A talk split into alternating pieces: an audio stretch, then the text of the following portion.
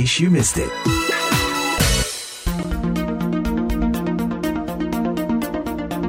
In case you missed it, VOA Washington. 21 Maret diperingati sebagai Hari Down Syndrome sedunia. Pemenuhan hak pendidikan bagi anak berkebutuhan khusus, termasuk penyandang disabilitas intelektual atau Down syndrome, masih menjadi sorotan. Pemerintah terus mengajak masyarakat untuk menciptakan pendidikan yang berkeadilan bagi semua anak tanpa memandang perbedaan. Saya Utami Husin berbincang dengan Aswin Wihdianto, pelaksana tugas Direktur Pendidikan Masyarakat dan Pendidikan Khusus pada Kemendikbudristek, dan Dewi Cakrawinata, aktivis HAM, serta pendiri Yayasan Peduli Sindroma Down Indonesia, YAPESDI. Pak Aswin, seperti apa sih sebetulnya pemenuhan hak pendidikan anak-anak Down syndrome itu? Jadi pemenuhan hak pendidikan itu untuk semua, apa pun kondisinya. Memang untuk yang terkhusus di Down syndrome, cara garis besar itu kan kebutuhan khusus itu ada dua skema ya. Yang pertama melalui sekolah khusus atau sekolah-sekolah luar biasa. Yang kedua melalui format penyelenggaraan sekolah yang menyelenggarakan pendidikan inklusif. Jadi kalau sekolah yang menyelenggarakan pendidikan inklusif ini kan berarti sekolah reguler yang di dalamnya ada anak berkebutuhan khusus. Salah satunya memang ada anak-anak Down syndrome. Bagaimana perbandingan peserta didik penyandang disabilitas intelektual di dua skema itu? data di Dapodik, data anak berkebutuhan khusus yang ada di satuan pendidikan, terutama data anak dan sindrom yang ada di SLB maupun di sekolah-sekolah reguler. Memang yang paling banyak sih yang di SLB tentunya ya, ada sekitar 3.000 siswa yang terdata Down syndrome di Dapodik. Kalau yang di sekolah itu cukup banyak juga, memang tidak sebanyak yang di SLB. Kalau di total itu sebenarnya ada sekitar 2.000-an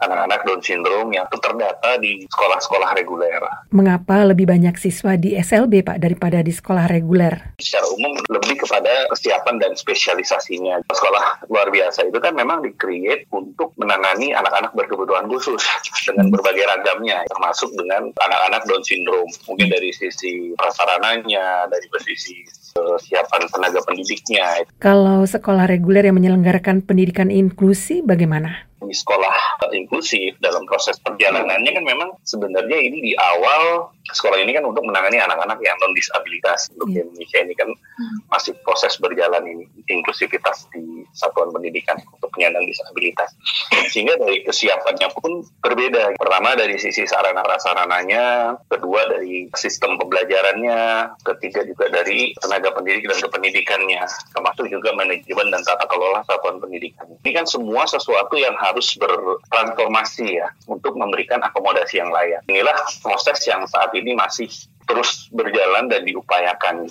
Walaupun secara policy sebenarnya pemerintah itu sudah sangat kuat untuk ke arah sana. Terlebih lagi saat ini kita sudah punya Undang-Undang Nomor 8 tentang penyandang disabilitas, termasuk juga turunannya PP 13 tentang akomodasi yang layak ya tahun 2020. Ibu Dewi, dalam sebuah acara Komnas HAM hampir dua tahun silam, Anda pernah mengatakan bahwa pendidikan untuk anak-anak dengan Down syndrome di Indonesia masih buruk.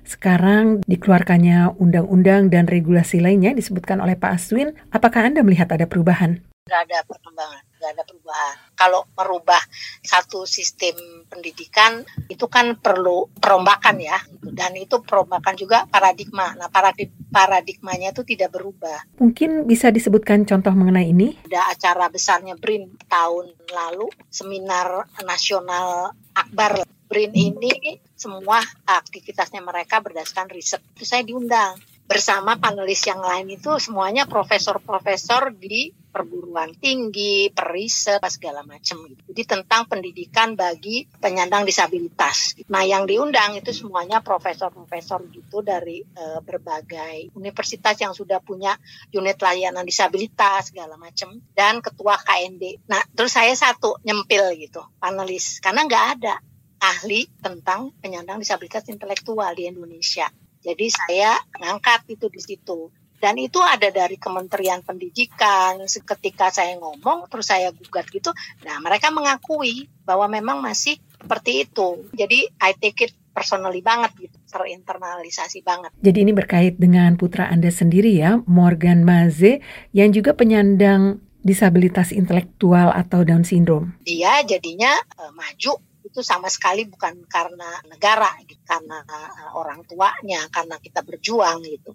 Jadi dia nggak pernah ikut uh, sistem pendidikan Indonesia. Kalau pendidikan di Indonesia sendiri bagaimana? So yang di Indonesia, yang berlaku di Indonesia adalah misalnya anak dengan disabilitas intelektual atau uh, sindrom Down gitu mau masuk sekolah umum, dia diminta untuk tes IQ. IQ hmm. doang loh ya, bukan tes yang holistik. Jadi kemampuan yang lainnya tidak dilihat. Itu bahkan mau masuk sekolah SD. Di sekolah inklusi pun diminta itu. Padahal kan inklusi seharusnya buat hmm. semua anak kan. Nah kalau untuk khusus anak dengan disabilitas intelektual atau Down syndrome kelihatan plek gitu ya. Hmm. Lah kalau anak tidak pernah sekolah, terus dites IQ-nya, terus di rumahnya juga nggak pernah diberi uh, pendidikan dasar yang memadai, hmm. tentu saja IQ-nya tidak berkembang kan. Nanti alasan kalau misalnya IQ-nya di bawah 80 itu nanti ini anak ini nggak akan bisa mengikuti. Padahal kan hmm gunanya pendidikan itu kan supaya anaknya maju dong, punya pengetahuan. Bagaimana solusinya Mbak Dewi? Jadi buat penyandang disabilitas intelektual ini satu-satunya cara adalah dengan ikut ke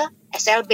Ada sih kalau orang yang orang tua mampu, mereka bisa masuk sekolah swasta. Banyak sekolah swasta yang mau terima hmm. tanpa memandang IQ juga madrasah itu kan banyak di kampung-kampung gitu dan dia menjangkau banyak tempat dan sekolah-sekolah Katolik. Tapi kan itu berbayar. Jadi biaskan gak semua orang bisa menyekolahkan anaknya karena harus berbayar.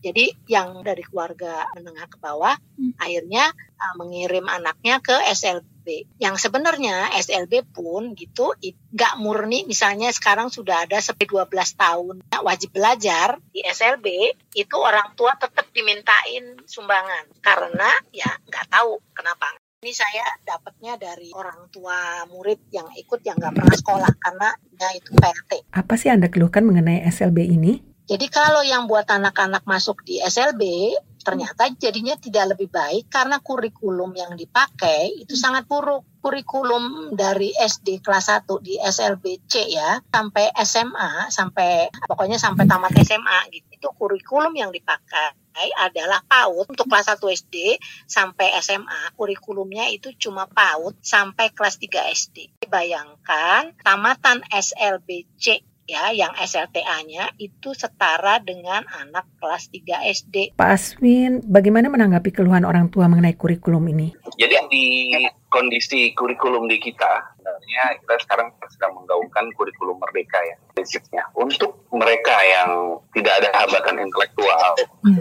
itu bisa mengikuti kurikulum reguler pada umumnya. Tapi untuk kurikulum mereka yang dengan hambatan intelektual, hmm. kita mengistilahkan kurikulum pendidikan khusus hmm. dalam konteks kerangka besar kurikulum merdeka. Nah, mereka didorong untuk mengikuti menggunakan kurikulum pendidikan khusus. Jadi sebenarnya pemerintah secara perangkat sudah mempersiapkan ya segala kemungkinan gitu ya. Ketika mereka hmm. memang tidak bisa mengikuti kurikulum reguler, hmm. silakan mereka tetap mengikuti kurikulum pendidikan khusus. Nah, kurikulum pendidikan khusus ini memang dirancang untuk pada prinsipnya mereka yang dengan hambatan intelektual intelektual. Mereka mengikuti kurikulum yang memang sudah dicoba sedikit diturunkan gitu ya. Nah, nah, karena sebenarnya fleksibilitas itu sudah terbuka gitu. Bisa ke atas, bisa ke bawah gitu. Kalau seandainya dia sebenarnya bisa melebihi dari kurikulum yang sudah disiapkan, itu silahkan. Gitu. Makanya ada hmm. gradasi dari yang pendidikan khusus dengan uh, kurikulum reguler yang sebenarnya itu bisa saling melengkapi. Mbak Dewi, Morgan mengikuti pendidikan di sekolah internasional Prancis ya hingga lulus SD. Bisa Anda ceritakan sedikit tentang ini? Dia di sekolah internasional uh, Prancis di Jakarta. Gitu. Satu-satunya penyandang disabilitas di sekolah itu jadi ikon di sekolah, semua orang baik dan kita bisa taruh guru pendamping sendiri gitu dibuat hmm. dia gitu sampai dia umur 12 tahun itu. Jadi ya dia ngikutin yang penting kita waktu itu sosialnya dia gitu. Tapi dia baca tulis apa segala macam lancar, bisa tiga bahasa segala macam gitu. Anda juga punya pengalaman mencari sekolah SLB ya, bisa share pengalaman? Saya cari SLB SLB yang pastinya yang deket ya sekitar Jakarta Selatan. Ada tiga tiga sekolah saya datengin gitu. Hmm. Udah apa terus saya tanya, terus dia bilang nanti Morgan masukinnya ke kelasnya di kelas berapa? Terus tanya umurnya, oke umurnya segini gitu. Oke, berarti Morgan masuk kelas, maksudnya kelas SMP nih, kelas itu. Oke, terus saya tanya, kelas itu ada yang udah uh, baca tulis apa belum? Nggak ada katanya. Padahal udah 12 tahun. Tertanya, oke ke kelas yang ini ada yang bisa baca tulis nggak gitu? Nggak ada. Naik lagi ke kelas berikutnya. Nggak ada juga. Sampai yang tamat kelas 12 tuh hmm. nggak ada. Sementara anak-anak ini kan lihat Kayak Morgan maju itu karena peersnya, karena teman di kelasnya dia, bantu dia, terus menghargai, terus terus dia jadi niru temennya bisa oh ya dia bisa gitu jadi kalau di sekolah di kelas di di rumah diajarin tuh biar supaya temen bisa sama kayak temennya nah kalau temen-temennya bukan hanya nggak lebih baik dari dia tapi bahkan nggak setara nah hmm. nanti itu kan membuat dia down jadi saya bilang hmm. waduh nggak bisa nih dia di sekolah gini dia bisa jadi stres dan dia bisa malah turun gitu bukannya hmm. malah maju gitu terus saya lihat saya keliling di sekolahnya gitu ya udah anak-anak dilepas aja gitu. Jadi seperti jadi lebih kepada arah sosialisasi pada mereka. Social skill dan life skillnya tuh nggak diajarin, soft skillnya nggak diajarin, nggak dapet gitu. Jadi ya udah dilepas, as yang penting nggak berantem, yang penting mereka punya teman. Jadi kayak kejadian pelecehan seksual yang tidak mereka sadari bahwa itu pelecehan itu terjadi di sekolah-sekolah itu. Uh, karena anak-anak itu tidak diberi pendidikan seks kan. Di sekolah umum kita aja kan pendidikan seks itu men masih menjadi barang tabu. Jadi cuma kalau gurunya lihat dipisahin gitu, tapi tidak diberikan konsep bahwa itu tidak boleh kembali lagi ketika saya jadi panelis di BRIN dan saya kebagian di uh, pendidikan untuk disabilitas gitu. Hmm. itu Kementerian uh, Pendidikan itu mengakui hal itu. Terus saya bilang maka ketika orang sekolah inklusi menolak uh, orang? Dan dia bilang aku yang ada kayak gitu. Itu kan harusnya di, diberi sanksi kan gitu Ya, cuman dia bilang ya mau diberi sanksi orang sekolah inklusi juga nggak banyak dan mereka tuh memang tidak punya tenaga tenaga untuk bisa melatih. Alasannya tuh selalu gitu kita nggak punya orang yang bisa melatih. Tadi sempat disebut oleh Ibu Dewi tentang kekurangan tenaga pendidik. Sebetulnya bagaimana prodi guru untuk anak berkebutuhan khusus di Indonesia? Jadi memang kita akui Bu ya, waktu penyiapan guru-guru berlatar belakang pendidikan khusus kan ya, itu memang relatif masih sangat terbatas ya. Kalaupun ada jumlah lulusan guru-guru berlatar belakang pendidikan khusus itu juga relatif sedikit ya sebenarnya. Hmm. Jadi kalau bisa dikatakan antara supply dan demand itu nggak ngejar. Jadi untuk guru di sekolah luar biasa saja sebenarnya masih kurang. Apalagi kita mau mendorong sekolah-sekolah reguler menjadi sekolah inklusif gitu. Hmm. Sehingga langkah-langkah inovatif itu perlu dilakukan. Nah ini yang sedang terus dicoba oleh pemerintah ya. Seperti bagaimana mempersiapkan guru pembimbing khusus misalnya.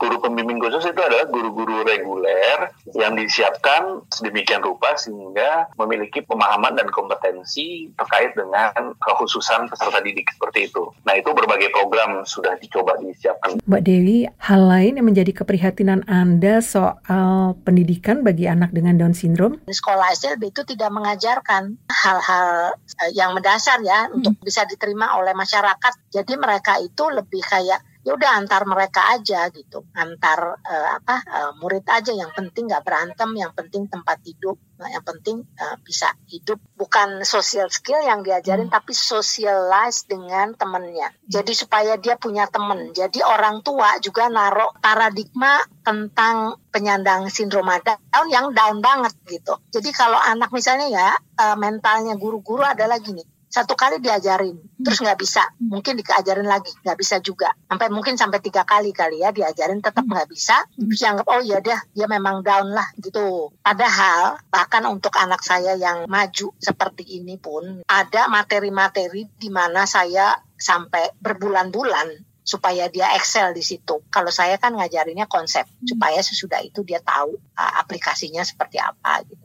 Jadi banyak orang tua itu yang masih merasa karena bullying ya dari lingkungan atau hmm. dia sendiri nggak baca atau kurang baca literasinya uh, apa buruk gitu ya sehingga mereka tuh menganggap anaknya nggak akan bisa Pesan Anda Pak Aswin untuk orang tua dengan anak berkebutuhan khusus dan bagi sekolah? Ini kita berpijak ke angka partisipasi peserta didik penyandang disabilitas secara umum dulu ya, yang relatif rendah. Mungkin di bawah 15 persen anak berkebutuhan khusus yang sudah bersekolah. Harapan kami dari orang tua jangan segan-segan untuk menyekolahkan anaknya ya. Nah mungkin bahasa sekolah di sini tidak harus sekolah formal ya, bisa juga ada di mungkin pendidikan non formal. Tapi intinya bagaimana anak-anak disabilitas ini mendapat uh, kan pendidikan yang uh, lebih terarah dan fokus ya. Kalau kita bisa menemu kenali potensi yang mereka miliki, bukan tidak mungkin mereka juga bisa menjadi anak yang mandiri. Ini harus diawali bahwa bagaimana kita membuka diri untuk mereka bisa bersekolah itu dari sisi orang tua.